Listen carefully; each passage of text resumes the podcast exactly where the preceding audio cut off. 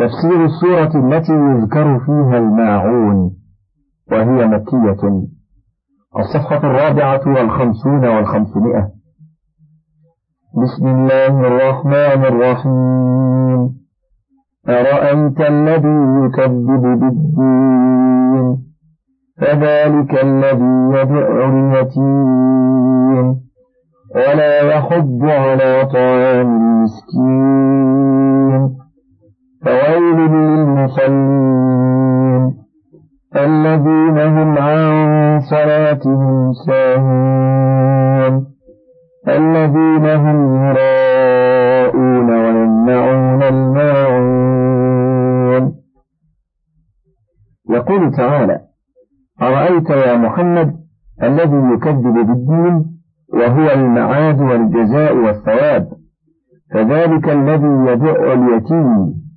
أي هو الذي يقهر اليتيم ويظلمه حقه ولا يطعمه ولا يحسن إليه ولا يحض على طعام المسكين كما قال تعالى كلا بل لا تكرمون اليتيم ولا تحاضون على طعام المسكين. يعني الفقير الذي لا شيء له يقوم بأوده وكفايته. ثم قال تعالى فويل للمصلين الذين هم عن صلاتهم ساهون. قال ابن عباس وغيره يعني المنافقين الذين يصلون في العلانية ولا يصلون في السر ولهذا قال للمصلين الذين هم من أهل الصلاة وقد التزموا بها ثم هم عنها ساهون. إما عن فعلها بالكلية كما قاله ابن عباس وإما عن فعلها في الوقت المقدر لها شرعا فيخرجها عن وقتها بالكلية كما قاله مسروق وأبو الضحى. وقال عطاء بن دينار الحمد لله الذي قال عن صلاتهم ساهون ولم يقل في صلاتهم ساهون. وأما عن وقتها الأول فيؤخرونه فيؤخرونها إلى آخره دائما أو غالبا. وإما عن أداء وإما عن أدائها بأركانها وشروطها على الوجه المأمور به وإما عن الخشوع فيها والتدبر لمعانيها. فاللفظ يشمل ذلك كله ولكن من اتصف بشيء من ذلك فله قسط من هذه الآية ومن اتصف بجميع ذلك فقد تم له نصيبه منها وكمل له النفاق العملي. كما ثبت في الصحيحين أن رسول الله صلى الله عليه وسلم قال تلك صلاة المنافق تلك صلاة المنافق تلك صلاة المنافق. يجلس يرقب الشمس حتى إذا كانت بين قرني الشيطان بين قرني الشيطان. قام فنقر أربعة لا يذكر الله فيها إلا قليلا. فهذا آخر صلاة العصر التي هي الوسطى كما ثبت به النص إلى آخر وقتها وهو وقت كراهة ثم قام إليها فنقرها نقر الغراب لم يطمئن ولا خشع فيها أيضا ولهذا قال لا يذكر الله فيها إلا قليلا ولعله إنما حمله على القيام إليها مراءاة الناس ابتغاء وجه الله فهو كما إذا لم يصل بالكلية قال الله تعالى إن المنافقين يخادعون الله وهو خادعهم. وإذا قاموا إلى الصلاة قاموا كسالى يراءون الناس ولا يذكرون الله إلا قليلا. وقال تعالى ها هنا الذين هم يراءون. وقال الطبراني حدثنا يحيى بن عبد الله بن عبد ربه البغدادي. حدثني أبي حدثنا عبد الوهاب بن عطاء عن يونس عن الحسن عن ابن عباس رضي الله عنهما عن النبي صلى الله عليه وسلم قال إن في جهنم لواديا تستعيد جهنم من ذلك الوادي في كل يوم أربعمائة مرة. وعد ذلك الوادي للمرائين من أمة محمد لحامل كتاب الله وللمصدق في غير ذات الله وللحاج إلى بيت الله وللخارج في سبيل الله. وقال الإمام أحمد حدثنا أبو نعيم حدثنا الأعمش عن عمرو بن مرة قال كنا جلوسا عند أبي عبيدة فذكروا الرياء. عزيزي المستمع جاء لفظ الحديث السابق كما قرأناه ولعل فيه شيء. وقال الإمام أحمد حدثنا أبو نعيم حدثنا الأعمش عن عمرو بن مرة قال كنا جلوسا عند أبي عبيدة فذكروا الرياء فقال رجل يكنى بأبي يزيد سمعت عبد الله بن عمرو يقول قال رسول الله صلى الله عليه وسلم من سمع الناس بعمله سمع الله به سامع خلقه وحقره وصغره. ورواه أيضا عن غندر ويحيى القطان عن شعبة عن عمرو بن مرة عن رجل عن عبد الله بن عمرو عن النبي صلى الله عليه وسلم فذكره. ومما يتعلق بقوله تعالى الذين هم يراءون أن من عمل عملا لله فأطلع عليه الناس فأعجبه ذلك أن هذا لا يعد رياء والدليل على ذلك ما رواه الحافظ أبو يعلى المصري في مسنده. حدثنا هارون بن معروف حدثنا مخلد بن يزيد حدثنا سعيد بن بشير. حدثنا الأعمش عن أبي صالح عن أبي هريرة رضي الله عنه قال كنت أصلي فدخل علي رجل فأعجبني ذلك. فذكرته لرسول الله صلى الله عليه وسلم فقال كتب لك أجران. أجر السر وأجر العلانية. قال أبو علي هارون بن معروف. بلغني أن ابن المبارك قال نعم الحديث للمرائين.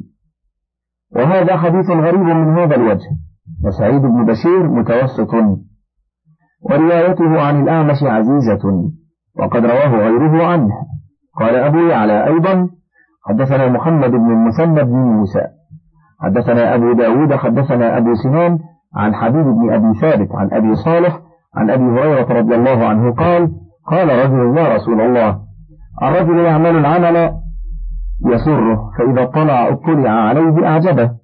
قال قال رسول الله صلى الله عليه وسلم له أجران أجر السر وأجر العلانية. وقد رواه الترمذي عن محمد بن المثنى وابن ماجة عن بندار كلاهما عن أبي داود الطيالسي عن أبي سنان الشيباني واسمه ضرار بن مرة ثم قال الترمذي غريب. وقد رواه الأعمش وغيره عن حبيب عن أبي صالح مرسلا. وقد قال أبو جعفر بن جرير حدثني أبو كريب حدثنا معاوية بن هشام عن شيبان النحوي عن جابر الجعفي حدثني رجل عن أبي برزة الأسلمي قال قال رسول الله صلى الله عليه وسلم لما نزلت هذه الآية الذين هم عن صلاتهم ساهون الله أكبر. هذا خير لكم من لو أعطي كل رجل منكم مثل جميع الدنيا هو الذي إن صلى لم يرجو خير صلاته وإن تركها لم يخف ربه. فيه جابر الجعفي وهو ضعيف وشيخه المبهم لم يسمى والله أعلم.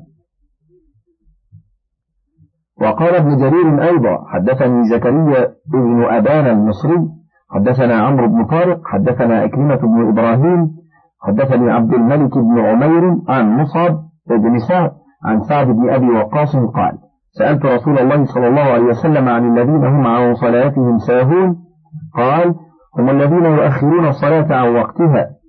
قلت وتأخير الصلاة عن وقتها يحتمل تركها بالكلية ويحتمل صلاتها بعد وقتها شرعا أو تأخيرها عن أول الوقت. وكذا رواه الحافظ أبو يعلى عن شيبان بن فروخ عن عكرمة بن إبراهيم به. ثم رواه عن أبي الربيع عن جابر عن عاصم عن مصعب عن أبيه موقوفا. سهوا عنها حتى ضاع الوقت. فهذا أصح إسنادا وقد ضاعف البيهقي رفعه وصحح وقفه وكذلك الحاكم. وقوله تعالى ويمنعون الماعون أي لا أحسن عبادة ربهم ولا أحسن إلى خلقه حتى ولا بإعارة ما ينتفع به ويستعان به مع بقاء عينه ورجوعه إليهم. فهؤلاء منع الزكاة وأنواع القربات أولى وأولى. وقد قال ابن أبي نجيح عن مجاهد قال على الماعون الزكاة. وكذا رواه السدي عن أبي صالح عن علي وكذا روي من غير وجه عن ابن عمر.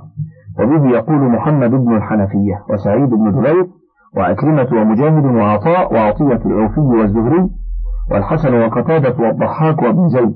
قال الحسن البصري إن صلى راء وإن فاتته لم يأس عليها ويمنع زكاة ماله وفي لفظ صدقة ماله.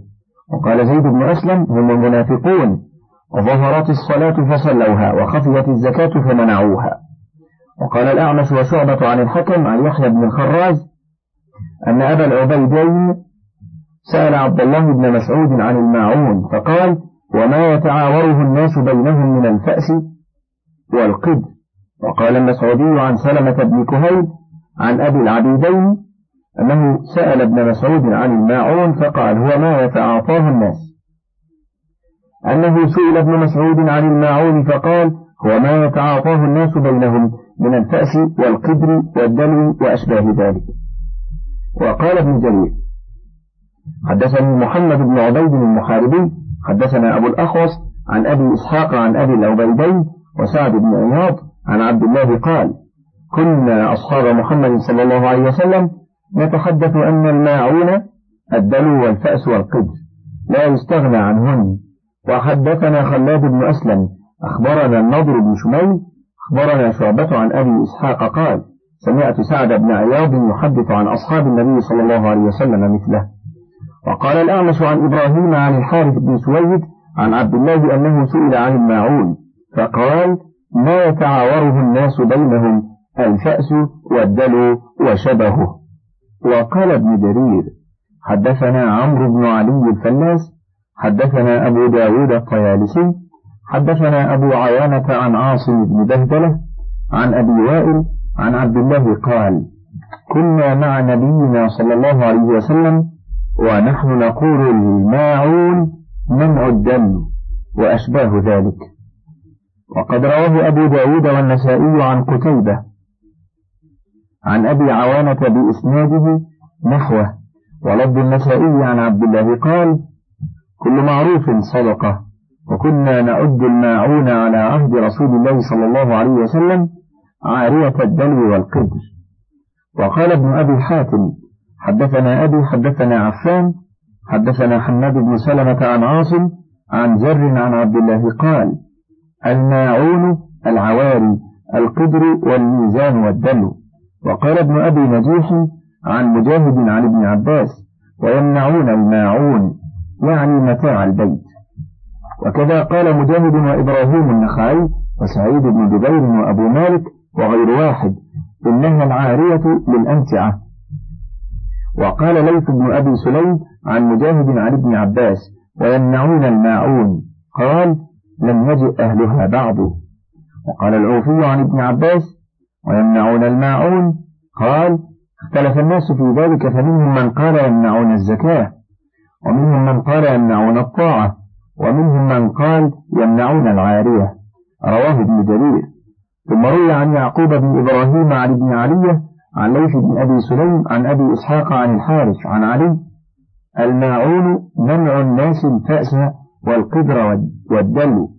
وقال عكرمة رأس الماعون زكاة المال وأدناه المنخل والدلو والإبرة. رواه ابن أبي حاتم. وهذا الذي قاله أكرمة حسن فإنه يشمل الأقوال كلها وترجع كلها إلى شيء واحد وهو ترك المعاونة بمال أو منفعة. ولهذا قال محمد بن كعب ويمنعون الماعون؟ قال المعروف ولهذا جاء في الحديث كل معروف صدقة وقال ابن أبي حاتم حدثنا أبو سعيد الأشد حدثنا وكيع عن ابن أبي ذئب عن الزهري ويمنعون الماعون قال بلسان قريش المال. ورواها هنا حديثا غريبا عجيبا في إسناده ومتنه. فقال حدثنا أبي وأبو زرعة قال حدثنا قيس بن حفص الدارمي حدثنا دلهم بن دهيل العجلي حدثنا عائد بن ربيعة النميري حدثني قرة بن ضعموس النميري. أنهم وفدوا على رسول الله صلى الله عليه وسلم فقالوا يا رسول الله ما تعهد إلينا قال لا تمنعوا الماعون. قالوا يا رسول الله وما الماعون؟ قال في الحجر وفي الحديدة وفي الماء. قالوا فأي الحديدة؟ قال قدوركم النحاس وحديد الفأس الذي تمتهنون به. قالوا ما الحجر؟ قال قدوركم الحجارة. غريب جدا ورفعه منكر وفي إسناده من لا يعرف والله أعلم. وقد ذكر ابن الأثير في الصحابة ترجمة علي النميري فقال رواه مانع بسنده إلى عامر بن ربيعة بن قيس النميري عن علي بن فلان النميري. سمعت رسول الله صلى الله عليه وسلم يقول المسلم أخو المسلم إذا لقيه جاء بالسلام ويرد عليه ما هو خير منه لا يمنع الماعون. قلت يا رسول الله ما الماعون؟ قال الحجر والحديد وأشباه ذلك والله أعلم. آخر تفسير السورة ولله الحمد والمنة.